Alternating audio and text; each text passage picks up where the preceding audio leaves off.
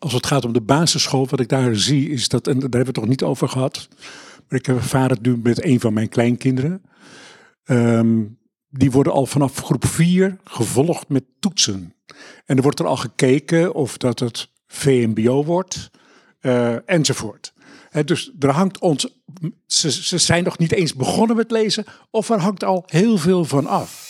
Podcast De Biep is Meer gaat op zoek naar de toekomst van openbare bibliotheken en hoe zij bijdragen aan de maatschappelijke uitdagingen van deze tijd. Met nieuws uit de sector, spraakmakende gasten en verrassende thema's word je meegenomen in de wereld van leesbevordering, digitaal burgerschap en participatie. De Biep is Meer is een initiatief van Matt Gubbels die jou wil informeren en inspireren. Hij gelooft in de kracht van podcasting en het verhaal van de bibliotheek. Welkom bij deze aflevering waarin ik verslag doe van een debat over de crisis in het Nederlandse leesonderwijs. Het debat vond plaats op 6 februari bij de OBA. Het is alweer een tijd geleden, maar het initiatief hiervoor lag bij Jorien Kastelein van de Blinkgroep. En de Blinkgroep is een uitgever van de leesmethode Het Nieuwe Lezen. In haar inleiding geeft Jorien allereerst een stukje achtergrond bij het debat en de hoofdgast van de middag. Wat ons vandaag bindt is dat de ontlezing ons aan het hart gaat. En dat we allemaal op een of andere manier bezig zijn met die oh zo complexe en weerbarstige vraag. Hoe krijgen we kinderen weer aan het lezen? En hoe zorgen we ervoor dat onze leerlingen, als ze uitstromen in het voortgezet onderwijs, voldoende geletterd zijn om mee te doen in de wereld? En niet, wat natuurlijk de veelbesproken indicatie was uit het PISA-onderzoek, 24% onvoldoende of niet. Ik denk dat we daar niet veel discussie over gaan hebben gaan het hebben over het hoe. De aanleiding voor het debat is een essay wat Erik heeft geschreven in NRC, alweer 12 augustus. Waarin hij op een prikkelende manier betoogde dat we een cultureel probleem hebben in ons onderwijs. En het probleem is dat we met te weinig zelfkritiek en kritische zelfreflectie naar de onderwijstradities kijken. En toen ik dat las, was ik het er meteen mee eens. Toen ik doorlas, moest ik even slikken. Want toen las ik ineens dat Erik Blink, de uitgeverij die ik twaalf jaar geleden heb opgericht, noemde als het voorbeeld, of specifiek onze nieuwe leesaanpak, als het voorbeeld bij uitstek van dat culturele probleem. En heel eerlijk, dat kwam best even hard binnen. Wij zijn met een team van zeer deskundige mensen al zo'n tien jaar bezig om samen met scholen en leraren ja, een structurele oplossing te helpen ontwikkelen voor dit zo complexe probleem. Dus ik dacht meteen, met die meneer wil ik praten. Want op basis van het artikel kon ik toch nog niet helemaal de argumentatie goed volgen. En die wil ik wel begrijpen. En, uh, ik, en tegelijkertijd, dat, dat zal ik ook eerlijk over zijn, ik had ook wel behoefte om iets van de achtergrond van het nieuwe lezen toe te lichten. Toen was het woord aan socioloog Erik Hendricks, die ingaat op zijn essay in het NRC. Volgens hem is in het Nederlands onderwijs sprake van een cultureel probleem. Let vooral op zijn redenering, waarin hij geen voorstander is van verleidende leesmethodes als het nieuwe lezen. Debatten zijn niet echt een uh, Nederlands dingetje, maar ik ga er gewoon in als een debat, want ik ben uitgedaagd voor een debat, dus ik ga een stelling verdedigen. En mijn stelling is dat het Nederlandse onderwijs zich ervan bewust moet zijn uh, dat het weerstand moet bieden aan de sociale en culturele trends die samenhangen met de ontlezing. En dat dit bewustzijn vaak gebrekkig aanwezig is en dat uh, met name Blink, de Blinkmethode Nederlands, een goed voorbeeld is van uh, het gebrekkige bewustzijn van de noodzaak om verzet te leveren aan die trends, omdat het meebeweegt met die trends, die trends, die schadelijke trends versterkt. En ik sta hier omdat ik ben uitgedaagd door Jorien en wat heel, wat heel leuk is, en ik ben, uh, ben overgevlogen uit, uh, uit Hongarije. Het is een beetje een ingewikkeld verhaal. Ik pendel tussen Hongarije en, uh, en Wiesbaden in Duitsland. Maar ik heb dus een jaar in het Nederlands onderwijs gewerkt. En daar had ik, werkte ik met twee Nederlands methodes, de talentmethode en de blinkmethode. En de talentmethode is een meer uh, klassieke methoden, zoals, zoals, ja, meer zoals we gewend zijn. En de blinkmethode is, laten we zeggen, meer vernieuwend. En het viel meteen op dat de blinkmethode veel, veel slechter is, met name voor nieuwe docenten, uh, die zich nog in moeten werken. Maar uh, ik, ik ben me ook gaan verdiepen in het, de bredere, bredere problematiek rond de niveaudaling in het Nederlandse onderwijs. En daar wil ik het met name hier over hebben. Ehm, want volgens mij, want iedereen heeft daar zijn eigen meningen over. En er zijn heel veel facetten en aspecten en hypotheses over waarom het de laatste jaren zo slecht gaat in het Nederlandse onderwijs. En, maar volgens mij staan er drie dingen buiten kijf. Ehm, en die, eh, er zijn drie problemen die volgens mij fundamenteel zijn. En de eerste twee daarvan hebben betrekking op de daling van Nederland ten opzichte van andere landen. Dat is ten eerste, onze klassen zijn te druk. De OESO, die onderzoek doet in 35 landen, heeft Nederland de laagste score gegeven voor orde in de klas. Dus onze klassen zijn te druk en het OESO heeft, ons, heeft Nederland gewaarschuwd. Twee, we hebben een lerarentekort. Nou, die twee dingen hangen met elkaar samen, want we, het lerarentekort ontstaat ook doordat we een grote lerarenuitval hebben, met name in het eerste jaar. En dat komt vaak omdat de klassen moeilijk te managen zijn. En uiteraard zijn Nederlandse drukke klassen moeilijker te managen. En omdat we dus minder leraren hebben, zijn de klaslokalen, zijn de klassen groter. En, en dat maakt het ook weer, uh, weer moeilijker om die klassen rustig te houden. Dus die, die twee hangen met elkaar samen. En het derde fundamentele probleem, dat is niet specifiek voor Nederland. Uh, dat is de digitalisering, de afleiding van de schermen en de mobiele telefoons in de klas. We hebben heel veel van onze lesmethodes gedigitaliseerd. En dan, dan is het idee, ja, de kinderen werken op een laptop. De mobiels moeten dan vaak in de tas voor in het rek. Um, maar er zitten wat haken en ogen aan. Ten eerste heb je natuurlijk op een laptop ook gewoon uh, sociale media die afleiden. Ten tweede die mobiele telefoons zijn eigenlijk niet meer te weren op het moment dat je laptops toelaat. Want er is altijd wel, als je 25 leerlingen hebt, is er altijd, zijn er altijd wel een paar laptops niet opgeladen. Die leerlingen vragen dan, hé hey meneer, mag ik het op mijn telefoon doen? Je kan al die laptops ook niet gaan opladen als je twee stopcontacten hebt in een lokaal. En je wil ook niet allemaal draden gaan spannen en dan heb je wilde tieners die daar dan over gaan struikelen. Kortom, zodra je schermen toelaat, uh, begint, het, begint het al behoorlijk moeilijk te worden. En onderzoek heeft aangetoond dat leren van papier heel veel voordelen biedt van, bij het beklijven van kennis. Um, uh, het, het, nu komt de blinkmethode. Uh, het interessante aan de blinkmethode is dat het eigenlijk op alle drie de punten de aan de verkeerde kant aan het duwen is. Eén, het, het is heel sterk op digitalisering ingezet. Dus het zorgt ervoor dat scholen niet meer de optie hebben, dat docenten niet meer de optie hebben om voor papier te kiezen omdat de methode je aan de digitale middelen bindt. Twee, het maakt klassen heel erg druk. Omdat, uh, in, uh, omdat er heel veel, er zijn heel veel korte discussieopdrachten. Leerlingen moeten korte tekstjes lezen, een plaatje kijken en dan wordt er gevraagd, wat vind jij ervan? Bespreek het met je buurman of buurvrouw. Wat is het eerste wat in je opkomt? Welke kritische gedachten heb je hierbij? wat heb je geleerd? En dat zijn hele vage opdrachten die leerlingen weinig gaan vastgeven. Maar het idee is dan dat er kritische reflectievaardigheden uh, ontwikkeld worden.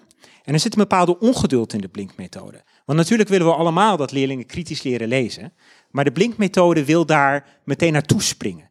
Uh, ik zou denken, je wil eerst die basisvaardigheden goed vormen en je wilt die kritische reflectievaardigheden wil je meer organisch ontwikkelen. Maar Brink wil altijd heel opzichtig, geforceerd, meteen naar dat doel toe springen. En dus je ziet ook als je dat boek leest, die tekstboeken leest, dat het heel de pedagogische doelstellingen, die, die spatten er echt vanaf. Um, maar dat creëert heel veel onrust in een klas. Want als je natuurlijk de ideale docent bent, en je bent heel erg ervaren, en je hebt de ideale leerlingen op het ideale moment, dan zou dit misschien een klein beetje kunnen werken. Maar we moeten dus, omdat we dus een lerarentekort hebben, moeten we dus veel nieuwe docenten inwerken. En nieuwe docenten willen wat houvast hebben. Je wilt leerlingen even aan het werk zetten met een iets langere tekst en met wat concrete opgaven. Lees deze tekst, maak die tien opgaven onder, opgave, onder opdracht drie.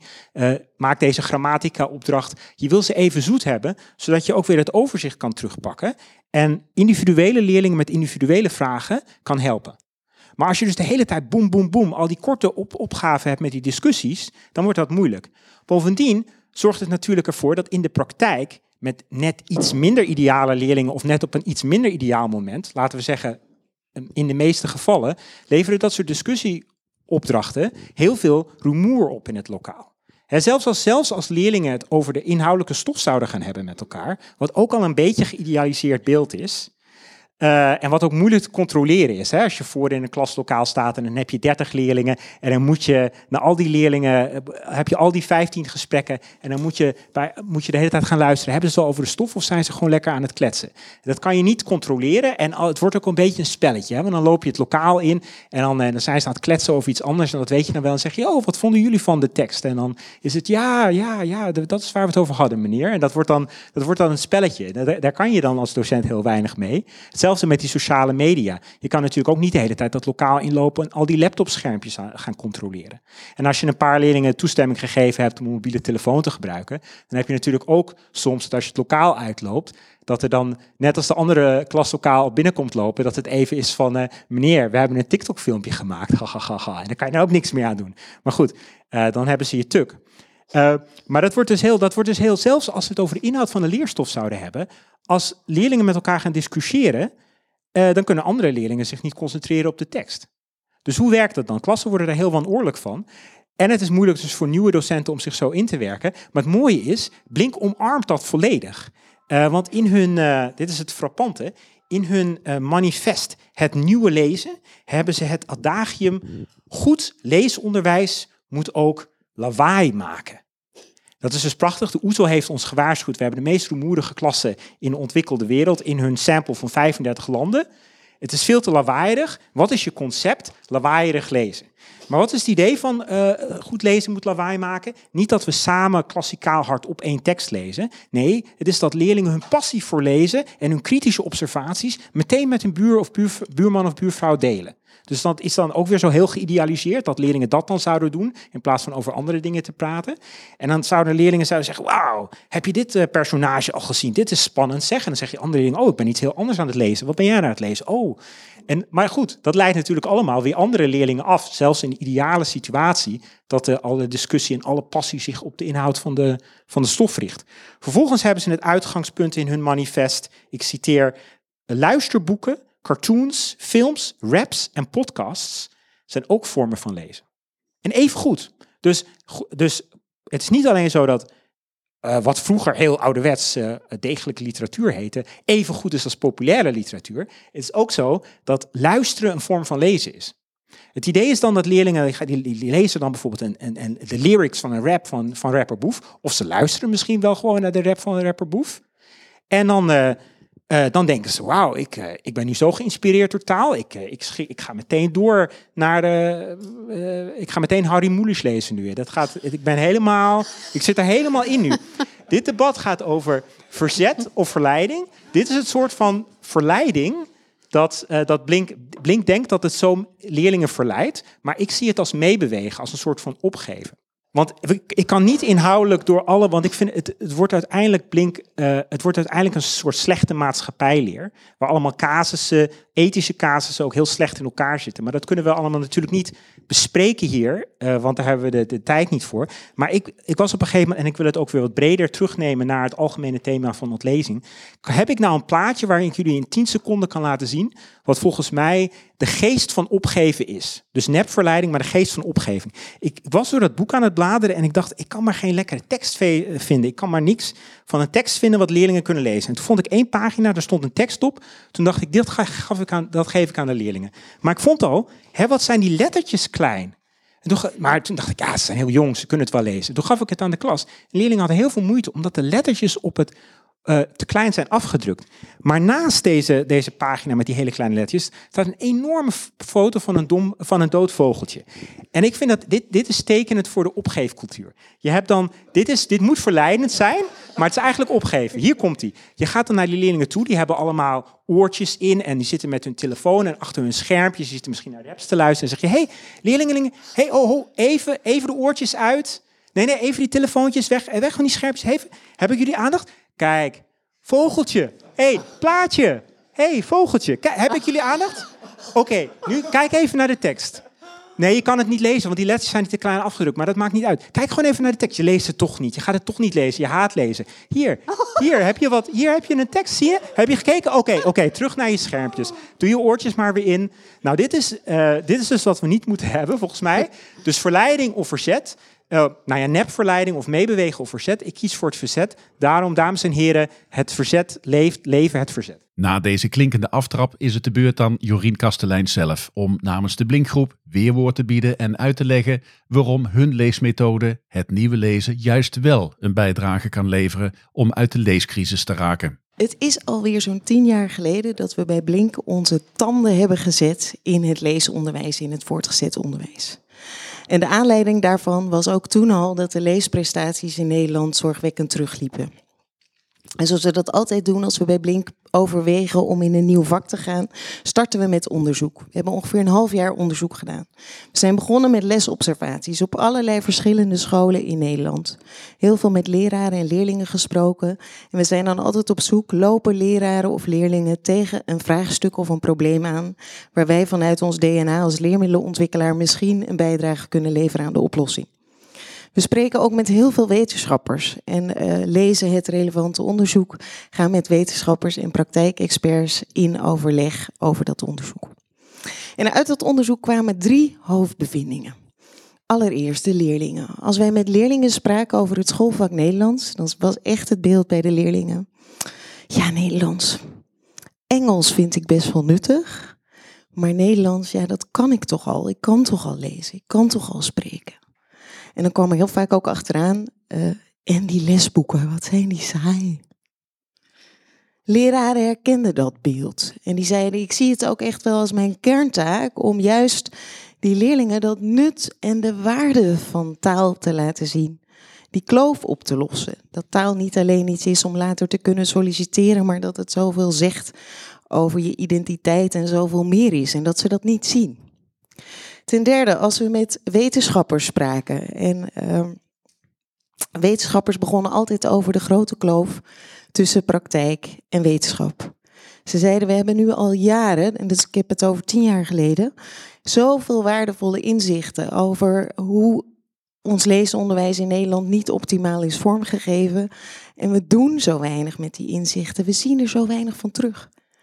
En de belangrijkste signalering die steeds terugkwam was dat heel veel wetenschappers en onderzoekers zeiden: een kernprobleem is dat we in Nederland, het schoolvak Nederlands, maar ook lezen, veel te veel zijn gaan zien en behandelen als een vaardigheidsvak.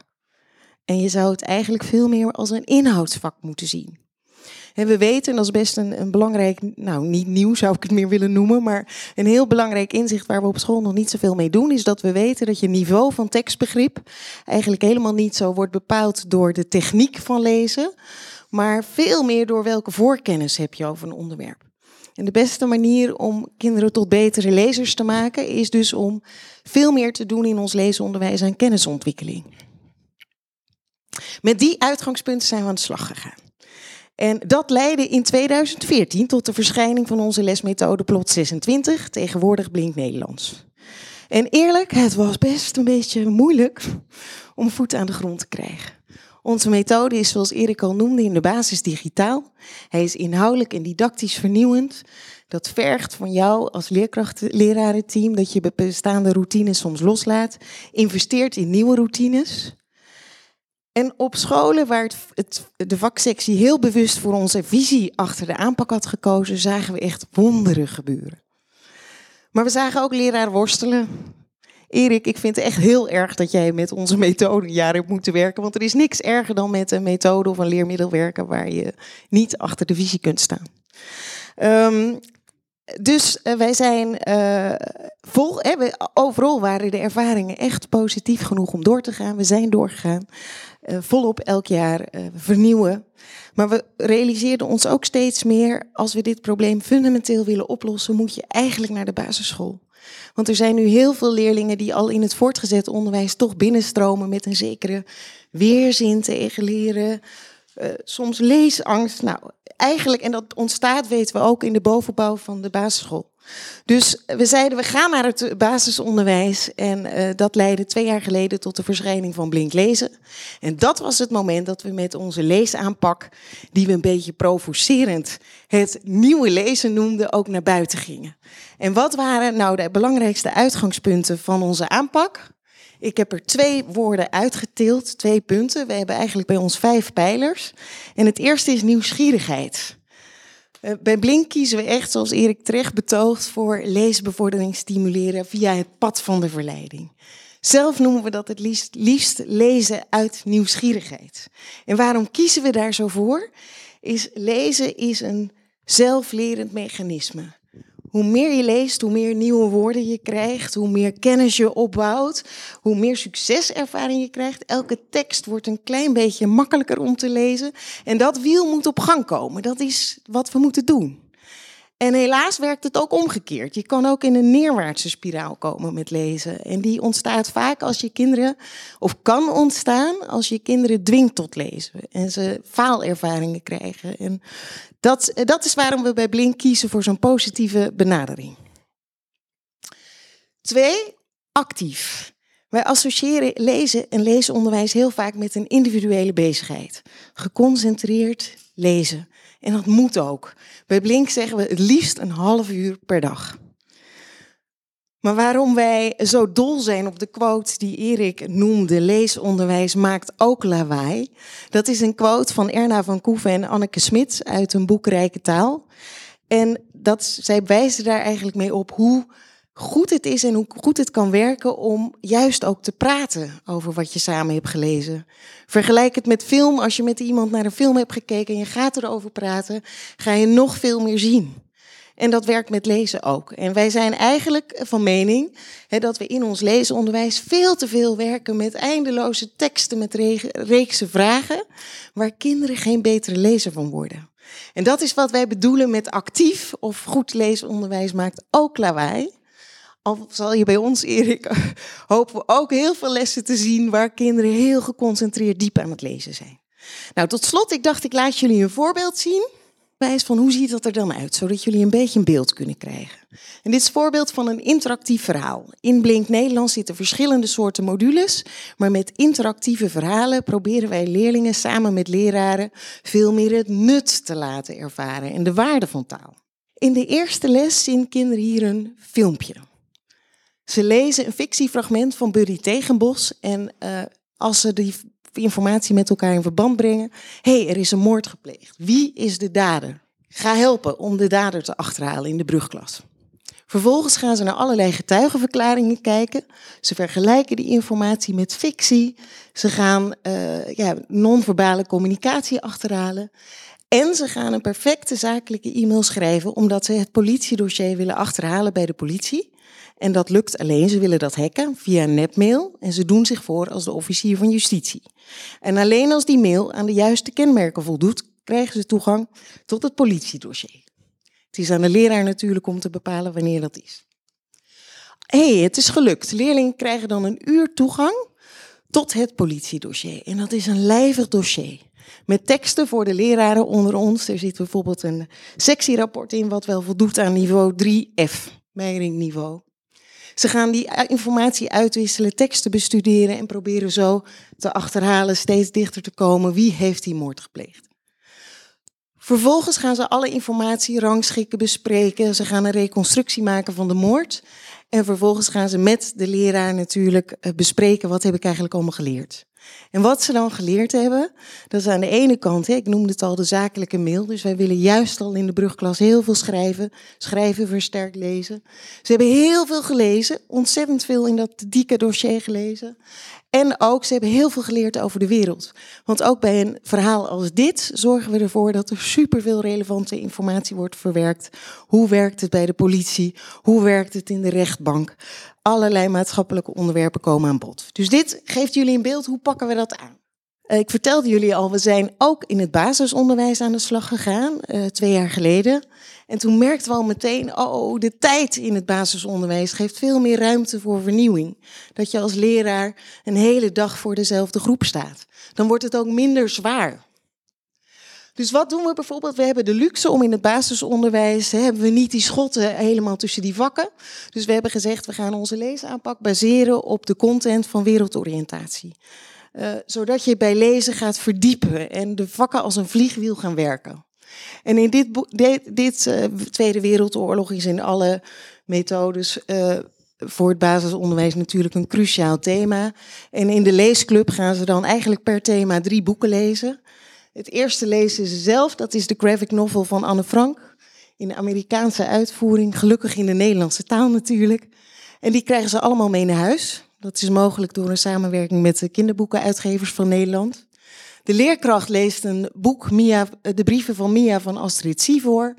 En vervolgens maken ze ook nog een keuze uit een themapakket wat we hebben samengesteld, waar ze een eigen boek uit mogen kiezen.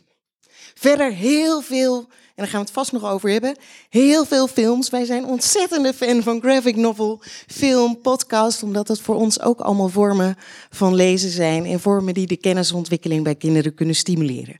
Dus wij zeggen, lezen volgens de weg van de verleiding, lezen uit nieuwsgierigheid. Na deze inleidingen was het woord aan de twee panelleden die waren aangeschoven. Jorien stelt beide aan de zaal voor. Caroline Wisse, die uh, daar zit, is lerares dus uh, op een uh, VMBO in Utrecht. En zeer begaan ook met het leesonderwijs. En David Roelofs is onderzoeker, ondernemer en docent. Um, David, als jij die methode ziet, um, wat, wat, denk jij dan? En denk jij dat dat effectief is? Ik denk vooral, dat is heel veel. Heel veel tegelijkertijd. Ik denk, ik zit natuurlijk in die zin uh, sta ik aan de kant van Erik. Ik denk dat dit niet werkt. Nee. Waarop baseer ik dat? Ik baseer dat op nou, onderzoek dat ik ook heb gelezen. Ik denk dat we allemaal zijn ingevoerd in onderzoeken over wat effectieve leesmethoden zijn. Uh, maar ik denk ook aan, aan mijn tijd voor de klas. Die was ook schommelend, moet ik zeggen. Um, en ik sta nog steeds voor de groep, nu op de hogeschool. En waar ik vooral aan moest denken, um, een aantal dingen. Um, ik moet vooral denken aan hoe deze discussie gaat over, oké, hoe kunnen we leerlingen leren lezen, maar nog niet echt uh, gaat over de urgentie daarvan. En de urgentie is wel belangrijk, want uh, we zijn niet in een tijd aanbeland waarin we eens rustig kunnen gaan nadenken, goh, wat zou nou een leuke manier zijn om kinderen te leren lezen? Het is echt al wel vijf over twaalf. Um, ik heb um, vorige maand, en dat lieg ik niet, een student gehad op de hogeschool. Ze moeten allemaal de hogeschool taaltoets maken. En als ze dat niet halen, worden ze op een gegeven moment van de opleiding verwijderd. Zo hard is het. Uh, en ik had een uh, student en die zei, ja, ik kan het niet. En ik kan het nog steeds niet. Toen zei ik, hoe kan dat nou? Je hebt toch meer dan 14 jaar onderwijs gehad? En die student zei, ja, maar ik kan het echt niet. Nou, die hogeschool taaltoets gaat, dat is een niveau van drie HAVO of drie gymnasium ongeveer. Je moet dingen kunnen benoemen. Nou goed, daar kun je van alles van vinden. Inderdaad, het Nederlandse onderwijs moet in die zin op de schop. Het gaat niet alleen maar om het benoemen van bijvoeglijk naamwoorden of uh, voorzetsels. Maar het is nog wel een eis, ook in het hoger onderwijs. En wat blijkt, die student zegt, ik kan het niet. Bijscholing is er niet meer. Je moet je, je opleiding volgen. En dan denk ik, en ook als ik terugdenk aan uh, mijn tijd in het voorzet onderwijs, het is geen kwestie van luxe. Laten we een leuke weg voor je kiezen.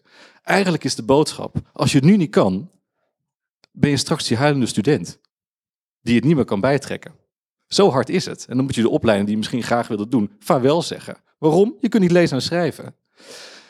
Het is elementair. En daarom denk ik, dit werkt niet. We zitten in een crisissituatie waarin we moeten zeggen, uh, we gaan niet kijken of lezen leuk is. Lezen is een noodzaak. Ehm, als ik er nog een pakkende anekdote uh, uh, aan mag verbinden. Ik, inderdaad, ik ben ondernemer, onderzoeker en docent. Dus ik omgeef me uh, continu met mensen die ook in het onderwijs werken en daarover schrijven en denken. En iemand zei tegen mij: ehm, Het is eigenlijk gewoon een, een, een, een, kwestie van fietsen. Om maar een goed Nederlands equivalent te vinden. Als je als kind leert fietsen, vraagt niemand aan jou: Vind je dat nou leuk?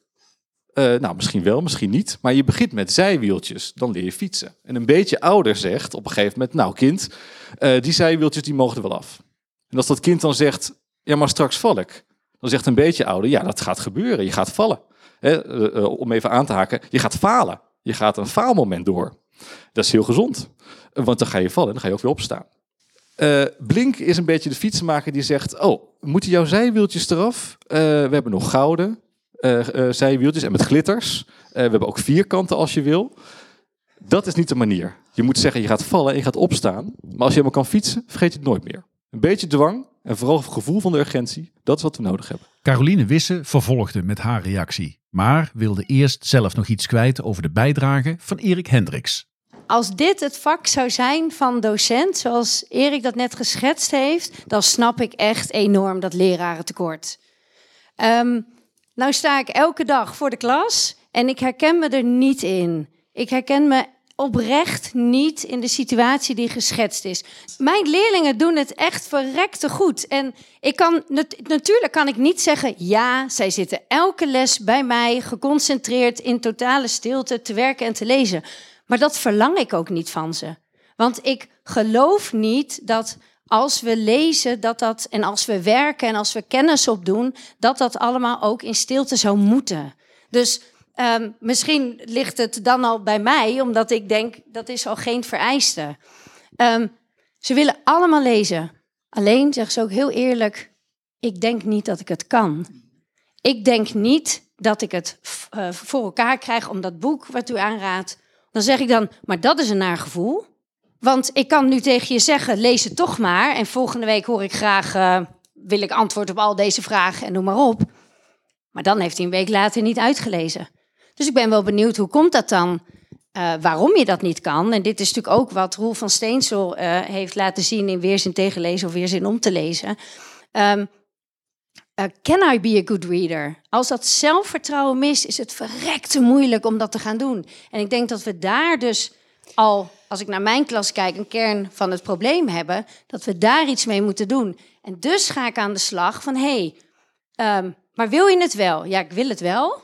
Maar ja, omdat ik dat, is ook niet zo stoer om te zeggen dat je iets niet durft of niet kan. Dus zeg ik dat het saai is en stom is. Um, dus gaan we gewoon aan de hand. En als mijn leerling daar dus gevallen is, geef ik hem mijn hand. En of ik trek hem nog even een klein stukje mee. Nee, lukt niet. Dan ga ik kijken wat hij nodig heeft om op te staan. De stellingen zijn toegelicht en de posities zijn ingenomen. Toen was het tijd voor reacties uit het publiek. Theo Witte vertelt over zijn ervaringen bij het basisonderwijs van zijn kleinkinderen. Als het gaat om de basisschool, wat ik daar zie, is dat, en daar hebben we het toch niet over gehad. Maar ik heb ervaren nu met een van mijn kleinkinderen. Um, die worden al vanaf groep 4 gevolgd met toetsen. En er wordt er al gekeken of dat het VMBO wordt, uh, enzovoort dus er hangt ons, ze, ze, zijn nog niet eens begonnen met lezen, of er hangt al heel veel van af. dus ik denk dat daar een heel fundamenteel probleem ligt op dit moment in het basisonderwijs en eigenlijk ook wel in het hele onderwijssysteem. Ik ben helemaal niet tegen toetsen, laat dat duidelijk zijn. Ik vind dat je op een gegeven moment leerlingen de maat moet nemen. Uh, maar ik vind dat dat nu gewoon veel te veel gebeurt en dat het wat een middel moet zijn uh, een doel is geworden. dus ik, ik, vind dat gewoon gruwelijk om te zien. Er zijn ook nog grafiekjes. dus het is voor de leerlingen, die kunnen meteen grafiek lezen als ze in, in, groep 4 zitten. En ze zien dat ze aan de onderkant zitten. dus dat, en onder het gemiddelde enzovoort. Dus dat, daar begint volgens mij al heel veel ellende. En het tweede is, uh, er werd net iets over gezegd, over het basisonderwijs. Uh, ik schrok er enorm van als je kijkt wat nu de PABO binnenkomt en wordt toegelaten tot de PABO, dan zie ik dat, dat is uit een, recent onderzoek gebleken, 30 pro, een derde van de leerlingen die daar, studenten moet ik zeggen, die daar binnenkomt, zegt, ik hou niet van lezen. Dat is stap 1. Tweede is, vroeger hadden ze daar een leeslijst voor kinderliteratuur en jeugdliteratuur, zodat die kinderen, of sorry, die studenten, ik ben al wat ouder, dus voor mij uh, dus die studenten die werden dus ook ingevoerd destijds gewoon in de kinder- en jeugdliteratuur. En in de prentenboeken, noem maar op. Die lijst bestond uit iets van 100 boeken. Nu zijn er pabo's waarop het lezen van, van kinder- en jeugdliteratuur een keuzevak is. En, en hoe komt dat? Dat komt omdat, en, en dat zit ook wel een beetje, nu kom ik ook wel bij, bij Erik in de buurt, wat er heel erg mis is in het onderwijs in Nederland, in het algemeen, is dat de leerling de baas is. De leerlingen maken de dienst uit. dus um, wat er namelijk gebeurd is, is dat er in die opleidingen geconstateerd is van hé, hey, onze studenten houden niet van lezen. En we moeten er toch voor zorgen dat, uh, dat ze een diploma krijgen. Dus wat we doen is, we maken van het onderdeel geen struikelblok, maar een keuzevak. Dus mijn, en het resultaat is dat de docenten van de PABO's stellen aan het eind van de opleiding dat twee derde niet in staat is om het lezen op school, op de basisschool, te bevorderen. Nou, daar liggen de grote problemen. David Roelofs geeft aan hoe het ook anders kan en vertelt het verhaal over het loslaten van de regels op school tijdens de coronaperiode en het effect daarvan op leerlingen. Als ik dit zo hoor, hebben we, hebben we ergens consensus. Hè? Uh, uh, wat ik ook hoor uh, vanuit de meneer in de zaal, wat is het heerlijk om als we- wel ingevoerde docent, belezen docent, met je leerlingen een boek te lezen. Eh, en ik denk waar we van mening verschillen is dat eh, als, ik, eh, als ik jou zo hoor, denk je, nou oké, hè, dat gaan we lekker samen doen in een soort van democratisch proces en kijken wat we leuk vinden. En de andere kant is eigenlijk, nou moet je luisteren, dit zijn de boeken die ik heb geselecteerd, of die de school heeft geselecteerd. Dat is op een bepaald niveau en wij gaan jullie daarheen trekken. En ik zou dan tussen haakjes erachter zetten of je nou wil of niet. Want eh, lezen is zo belangrijk om te kunnen functioneren, niet alleen in je latere studie, maar ook gewoon als, als burger in, eh, in de democratie die Nederland is. Eh, we kunnen niet doen van, nou ja, zie maar of het lukt of zoek maar je eigen weg in zeer beperkte mate. En dat lukt ook. Eh, eh, ik moet denken aan uh, toen ik voor de klas stond in het voorzet onderwijs. Dat hebben we gedaan tijdens de coronacrisis. Die kwam, scholen dicht. Nou, het is natuurlijk niet leuk. Voor heel veel leerlingen heeft het heel veel schade opgeleverd. Maar er was ook een lichtpuntje, want ik kreeg van mijn school, toen ik vroeg wat moeten we doen met de schoolexamens, 4 VWO, carte blanche. Die zei, nou die vervallen, kunnen we niks mee doen. Zie maar hoe je die laatste acht weken vol krijgt. En ik dacht, fantastisch. Daar heb ik mijn vrijheid. En wat zie je dan? Ik zei, jongens, we gaan gewoon teksten lezen. Allerlei soorten teksten. Nou, het was net uh, gebeurd met George Floyd. Stond in alle kranten, uh, nieuws, et cetera. Uh, dus ik dacht, we pakken thema racisme, discriminatie, uitsluiting, politiegeweld. We zien wel wat er op ons pad komt. Eh, we hebben drie lessen in de week. Ik verzamel teksten. Die gaan jullie allemaal lezen. Wat voor effect kreeg je? Eerst rust. Want er hoeft verder niets te gebeuren in die les. Hoeven een artikel te lezen. En daar hebben we het dan over. Wat gebeurt er ten tweede? Ze bouwen een portfolio op. Op een gegeven moment hebben ze daadwerkelijk kennis van zaken. Denken ze, ja, maar wacht even. In dit artikel werd het zo geframed. Toen ging het daarover. Nou is framing moeilijk om uit te leggen. Dus als leerlingen nou eenmaal zijn, is dat fantastisch. Het derde punt, wat ik daarbij wil benoemen, als we het hebben over niveau en, en opleggen of naar, naar boven trekken. Uh, aan het einde van die zalige acht weken, die ik nooit zal vergeten, um, uh, was er een uh, discussie in de, in de klas ontstaan. En je merkte dat sommige leerlingen niet ingelezen waren. En die, die werden onder de voet gelopen door andere leerlingen. Die zeiden, heb je dat artikel niet gelezen? Daar staat het in. Ik, dit, is, dit is mijn argument. En toen dacht ik, my job is done. Jorien Kastelein reageert op de kritiek die in de zaal heerst op het verleiden van leerlingen. Wij willen niet leren leuk maken en op de knieën. Wij willen leerlingen heel serieus nemen en ze eigenlijk ook, volgens mij wat we allemaal willen, optillen, hun wereld groot maken. We verschillen eigenlijk alleen over dat wij denken dat het onder dwang niet kan. Gras groeit niet als je eraan trekt. Ik denk dat dat voor ons het uitgangspunt is waarom we doen wat we doen. En wat voor ons een heel belangrijk inzicht is, is dat lezen, uh, wat ik al zei, we hebben ontdekt, hè, bij lezen leer je steeds nieuwe woorden en die nieuwe begrippen, nieuwe kennis, nieuwe vaardigheden.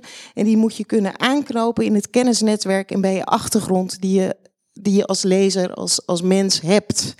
En uh, daar wil ik straks ook graag uh, Jelle Jolles, professor, even over aan het woord laten. Want het is voor ons een grote inspiratiebron geweest, zijn werk. Als dat niet aanhaakt, als dat te ver over je heen gaat, als dat niet aanhaakt, dan vergeet je het.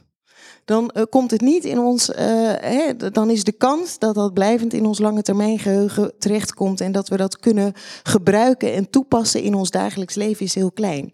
Dus wat wij proberen is niet op de knieën en wij willen geen zins He, wij willen juist door op de basisschool te beginnen straks wonderen kunnen verrichten met elkaar in het voortgezet onderwijs. Maar we zeggen wel, je moet aansluiten bij waar dat kind nu is en waar die met zijn voorkennis is en met zijn woordenschat. En van daaruit kan je hem vanuit nieuwsgierigheid het snelst krijgen. Ik denk dat het daar voor ons over gaat, dat wij denken dat deze weg effectiever is. Midden in de inmiddels verhitte discussie die aan het ontstaan is, is het iemand uit de wereld van de wetenschap die probeert de nuance in het debat aan te brengen.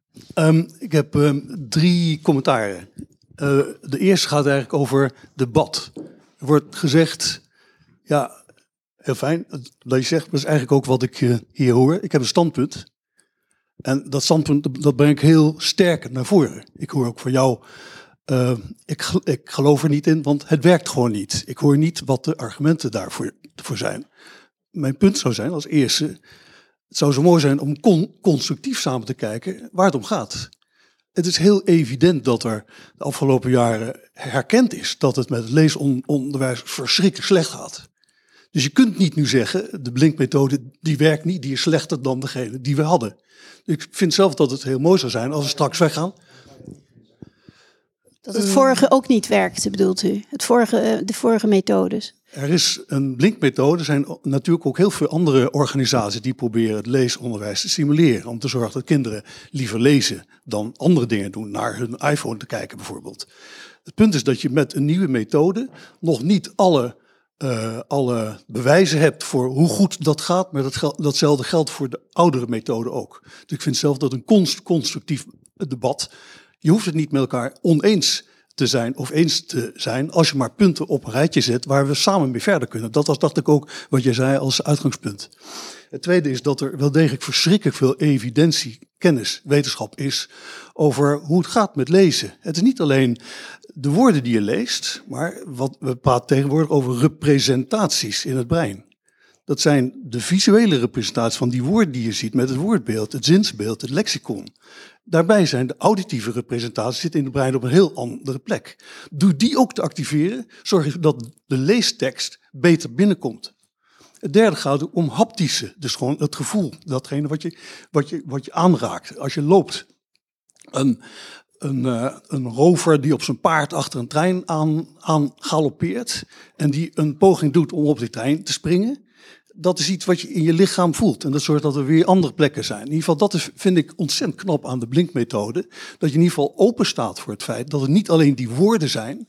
En via één woord tot een begrip erachter komen, maar veel en veel breder. Dus daar is echt duizenden artikelen over. Het enige jammer is dat er nog steeds zo'n kloof is tussen wetenschap enerzijds en de praktijk anderzijds. Dus met jullie nadruk op de nieuwsgierigheid zeg je in ieder geval, dat weten we voor 100% zeker. Laten we gewoon kijken of de kinderen, de leerlingen, de jongeren die we hier hebben, dat die door die nieuwsgierigheid iets binnenkrijgen wat ze kunnen gebruiken om daar ook uh, mee verder te komen, dat beter beklijft. Daar komt ook nog iets bij.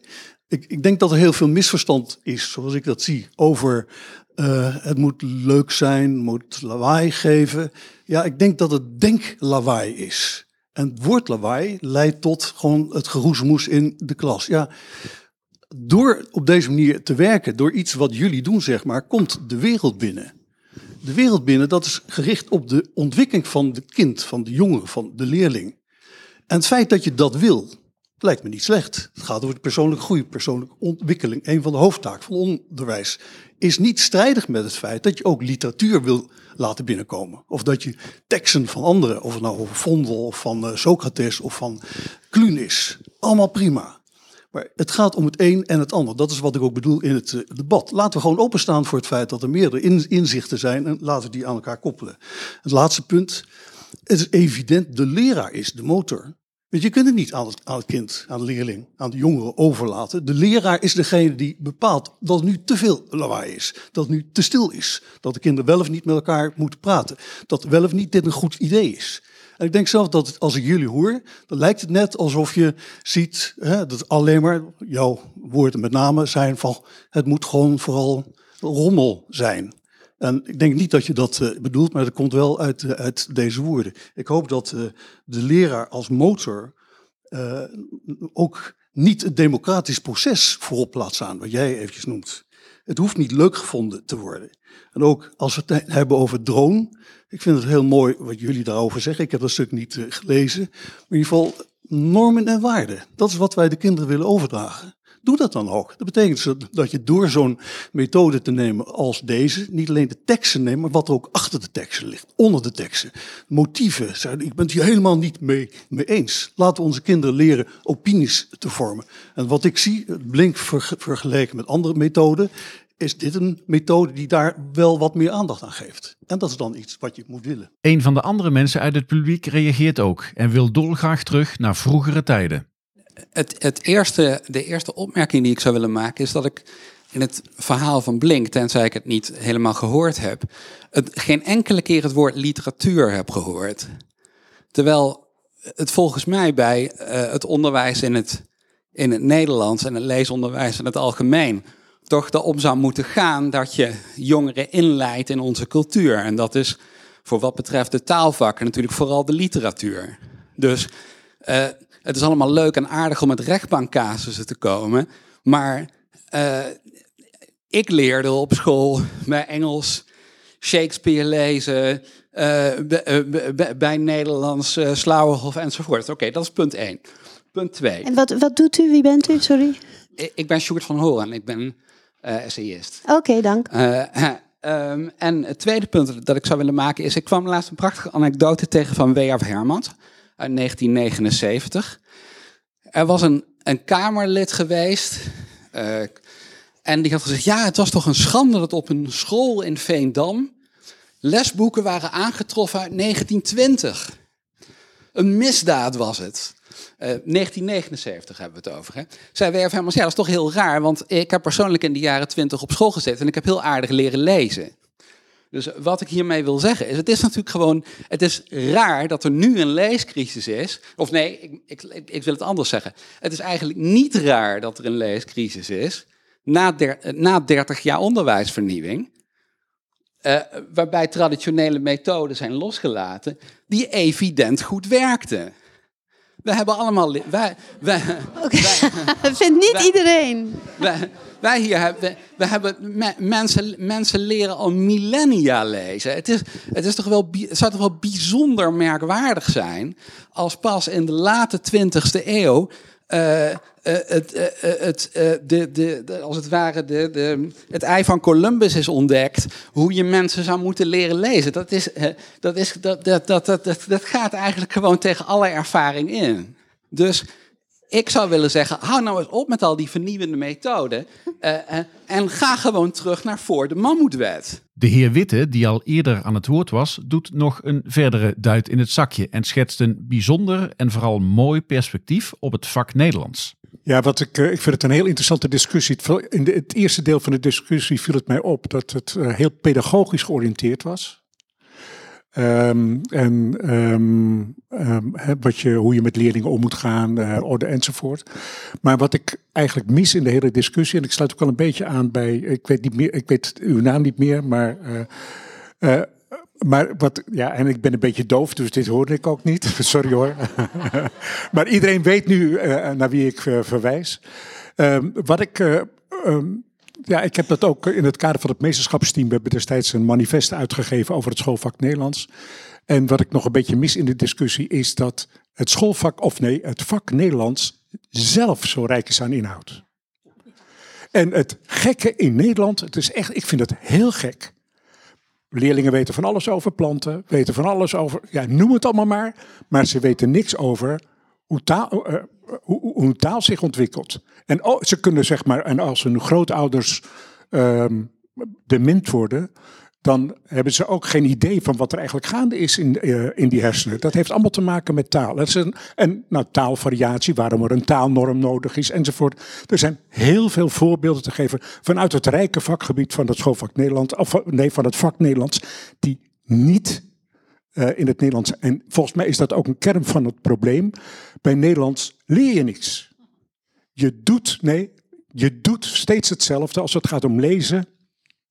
Eh, ik heb het nieuwsbegrip, ik heb het de laatste edities niet meer gevolgd, maar een tijdje geleden wel.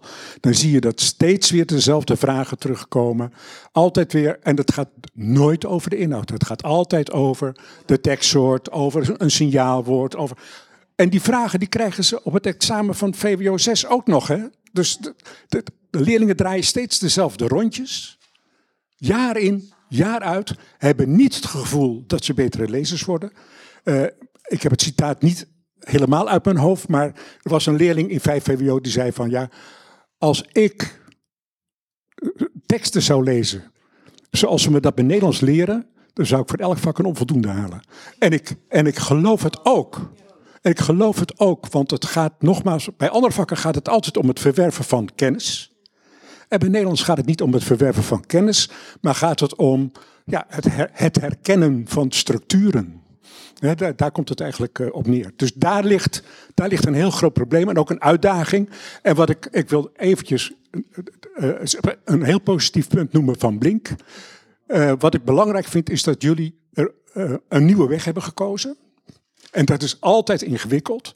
En, ehm, en jullie zijn ook de goede richting ingegaan door veel meer met de, rond de inhoud te doen, rond een thema te doen, rond een onderwerp te doen, waardoor die leerlingen inderdaad wijzer worden over een bepaald verschijnsel. Eh, dus ik denk dat, eh, nou ja, en, mijn complimenten daarvoor dat jullie dat gewoon doen. en aangedurfd hebben. Want dat is denk ik ook een uh, punt. David Roelofs reageert opnieuw, maar blijft toch echt moeite hebben met de methode Blink. Mijn anekdote wordt breed gedeeld, gelukkig maar, want ik ben het er helemaal mee eens. Het gaat om de belezen docent die met leerlingen een boek leest. Uh, en ik sluit ook helemaal aan bij de meneer daarboven. Zo verschrikkelijk moeilijk is het allemaal niet. Ik bedoel, we hebben kinderen 14 jaar in de klas zo'n beetje. Kom op, uh, leren lezen, dat zit er echt wel in. Maar toch ben ik niet mee eens met de methode Blink. Want ik denk, gezien de huidige situatie, dat... dat een andere aanpak nodig is. En ik wil dan toch even uh, mijn anekdote iets verder inkleuren. Waarom kon dat nou toen in die acht weken tijdens de lockdown? Natuurlijk, de school had alle regels omtrent toetsing losgelaten. Dat mocht ook van, uh, van het ministerie, dus daar hadden we geen last meer van. Ik ben het helemaal eens dat het eindexamen moet worden herzien en ook drastisch.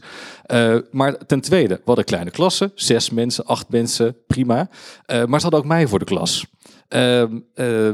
Ik heb een onderzoeksmaster Nederlandse literatuur gedaan uh, en een eerste graads lerarenopleiding. Ik lees veel uh, en er kwamen geen telefoons binnen. Ook al, ook al was dat niet volgens het schoolbeleid. Dus ze zaten daar drie uur in de week met mij, met alleen maar geprinte teksten voor zich.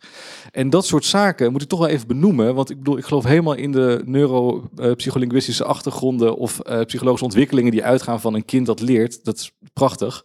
Maar in deze staat van het onderwijs uh, moeten we echt af van de digitale methodes om te zoeken naar wat past bij mij? Nee. Alle telefoons uit de klas, papieren teksten, drie uur in de week lezen en praten. Ondanks de tegenstellingen in het debat lijkt er toch sprake van consensus over in ieder geval één onderwerp. Heb ik nou het idee dat we een gemene deler hebben dat we allemaal. En niet omdat ik een democratisch poldermodel wil, Erik. Maar hebben we, hoor ik nu goed dat we het met elkaar eens nee, zijn? Dat nee, absoluut niet. We hebben een debat. We hebben een debat. Even, even, even weg van het polderen, jongens. Ik, ik weet dat debatten, dat, is, hoort niet, dat doen we niet zoveel in Nederland. Hè? Dat is wat meer Brits. Maar bij een debat hoef je het uiteindelijk niet allemaal over Nee, wil ik ook helemaal niet. Er is niet per se een gemene delen hier. We staan op hele fundamentele punten tegenover elkaar. Je hebt helemaal met je eens, Erik. Ik denk ook dat we niet eens gaan worden. Maar wat ik een hele belangrijke constatering vind voor ons leesonderwijs en heel waardevol, als we het over één ding eens kunnen zijn, dat de toetsvormen, toch de dwingende druk die jij ook weer vertelt, dat zelfs een docent zoals jij, ik word heel blij wat jij vertelt over wat je in je lessen doet, dat je toch op die school niet de ruimte voelt met het team, en ik, we gaan er niet in, maar om los te komen van die toetscultuur. En we zijn, ik ben ook totaal niet tegen toetsen, maar we zijn, zijn we het erover eens dat we nu in ons onderwijs, in ons leesonderwijs, veel te veel met die toetsvorm bezig zijn. Met die teksten met vragen oefenen. En dat dat een enorme belemmering vormt voor een rijker en beter en effectiever leesonderwijs. Het gaat de hele tijd al over het basisonderwijs, maar ook vanuit het HBO is er veel aandacht voor de problematiek rond het leesonderwijs. Ik ben Francisca Wagemakers. Ik geef les in het HBO, het technische HBO. Ik ben ingenieur en leraar Nederlands. Ik geef les aan technische HBO-studenten. Ze zijn heel erg taalzwak. Daarom ben ik hier ook, omdat wij ons daar als school heel erg zorgen over maken. Daarnaast zit ik in het bestuur van Beter Onderwijs Nederland. Um, ik, um, ik, heb, um, ik hoor heel, heel veel zinnige dingen. De, de toets, toetscultuur, waardoor mensen, kinderen een hekel krijgen aan het vak. Uh, uh, de, de, toetsvragen die eigenlijk niet gaan over datgene wat een kind zou kunnen boeien in de stof. Waardoor de, de toets ook uh, als, als uiterst hinderlijk wordt ervaren, als strijdig met de persoonlijkheid. Uh, de, de, de, de rommelige klassen, waarbij het heet dat er te weinig klassenmanagement is. Ik denk dat het over leiderschap gaat, helemaal niet over management. Volgens mij zijn we daar helemaal niet zo slecht in. Um, en um, uh, de, nou, de, de, de, de thematiek waar Blink mee bezig is. En dan denk ik, hé, hey, daar, daar lijken eigenlijk hele leuke dingen in te zitten. Het raakt ook wel wat, aan, wat, wat Erik eigenlijk uh, naar boven bracht dat je, en ik had daar vroeger, uh, toen ik nog voor de klas stond, ook last van, dat je met allerlei onderwerpen wordt geconfronteerd, waarvan, ja, waarbij je dacht, ja, sommige leerlingen hebben daar meer verstand van dan ik. He, uh, terwijl ik zelf ook een vak heb waar ik heel veel verstand van heb en dat komt helemaal niet aan bod. Uh, uh, dus ik vind dat het vak Nederlands inderdaad veel meer moet gaan over de Nederlandse taal, cultuur en ook over communicatie. Uh, ook over onze Nederlandse cultuur, want ik denk dat dat ook een belangrijk aspect is. Hè. Ontdek nou eens wat onze cultuur is eigenlijk. En onze literatuurgeschiedenis kan daar enorm bij helpen, bijvoorbeeld. Um, dus ik, het vak Nederlands, en als de docent Nederlands dan, die heeft die expertise. Dus die heeft die leerlingen ook, die heeft ook nog iets toe te voegen aan wat er in het boek staat. En die kan er ook boven staan. Die kan dus ook allerlei problemen waar de leerlingen mee komen plaatsen. En als het dan gaat over ja, problematiek waar ik toevallig niet zoveel verstand van heb, ja, dan, dan, dan sta je eigenlijk een beetje met lege handen. Dus mijn, mijn, mijn, mijn voorstel is om, en dat was ook het voorstel van het meesterschapsteam, om in het schoolvak Nederlands, waar alleen maar vaardigheidsdomeinen in staan, om daar ook kennisdomeinen in op te nemen, zodat het vak Nederlands ook een, ja, het is heel rijk aan kennis, die kennis ook gewoon gebruikt en doorgeeft. Het is tijd voor de borrel en daarom werkt Jorien Kastelein toe naar het slot van dit debat. Alle deelnemers aan het debat krijgen daarom nog een laatste maal de gelegenheid zich te richten tot de zaal. Ik vond het een heel geanimeerd debat en ik hoop echt dat jullie blijven om nog even door te praten. En er is één ding wat ik nog wil zeggen. Wij bij Blink denken niet dat elke leraar met onze lesmethode moet werken. Wij geloven echt dat de enige als methodemaker, als leermiddelenontwikkelaar maken wij niet het verschil. Het is altijd de docent die het doet. En ik wil daarom vooral de docenten hier een hart onder de riem steken, want we hebben het weer steeds over het probleem lezen, maar ik wil benadrukken, wij zien zoveel inspirerende voorbeelden. En ik vind jouw voorbeeld een fantastisch voorbeeld van een inspirerend voorbeeld waar wij ontzettend blij van zouden worden als we dat zien. En het gaat om de leraar. Ik hoop dat we allemaal weer uh, een beetje nou, tot nadenken aan zijn gezet. En ik geef aan Carolien en daarna mag Erik nog uh, het laatste woord. Ja, ik wil gewoon eigenlijk nog. Ja, anders ik ga ik niet met een lekker gevoel weg. Um, nee, ja, sorry. Nee, daarom moet ik nog even wat zeggen. Um, ik word namelijk heel erg blij van mijn leerlingen elke dag weer. Hoe goed ze hun best doen. Hoe goed ze lezen. Hoe goed ze doorzetten. En ik heb er dan ook echt alle vertrouwen in dat de leerlingen die nu op school zitten en die straks gaan komen, zich als volwaardige, kritische, zelfstandige burgers gaan redden in deze maatschappij. En ik hoop echt. Ik hoop echt dat jullie daar allemaal ook vertrouwen in blijven houden. Want wat ik namelijk ook terugkrijg van mijn leerlingen, is wel dat als er gesproken wordt over het VMBO, en als er gesproken wordt over lezen, dat negatief is. En ik, jullie weten allemaal uit eigen ervaring, als er de hele tijd tegen jou wordt gezegd dat je het niet goed doet, dat je niet kan, dan ga je daarin geloven. Dus laten we er met z'n allen voor zorgen dat er ook positief over lezen, en dan gaat mijn hart ook uit naar het VMBO, over gesproken wordt.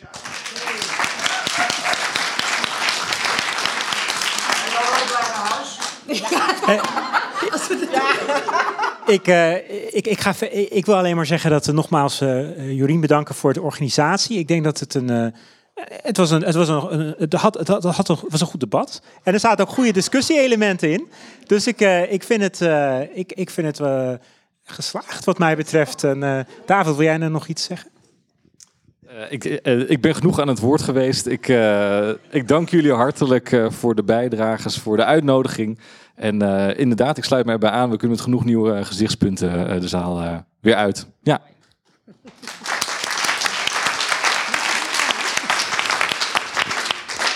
Tot zover dit verhitte debat en de strijd tussen de verschillende leesmethodes die we in Nederland rijk zijn.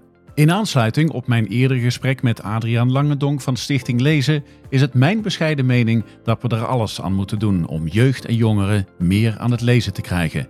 Verleiding is voor mij daarbij ook een manier om dat aan te pakken. Tot slot dank ik de Blinkgroep voor het beschikbaar stellen van de opnames van dit debat. Ik hoop dat de discussie weer nieuwe inzichten heeft opgeleverd om verder te gaan met de strijd tegen ontlezing in Nederland. Bedankt voor het luisteren naar deze aflevering van De Biep is Meer. Heb je zelf een mooi verhaal om te vertellen? Neem dan contact op via info.onderzoekmeteffect.nl. De Biep is Meer is een initiatief van Matt Gubbels. Hij gelooft in de kracht van podcasting en het verhaal van de bibliotheek. Graag tot een volgende keer.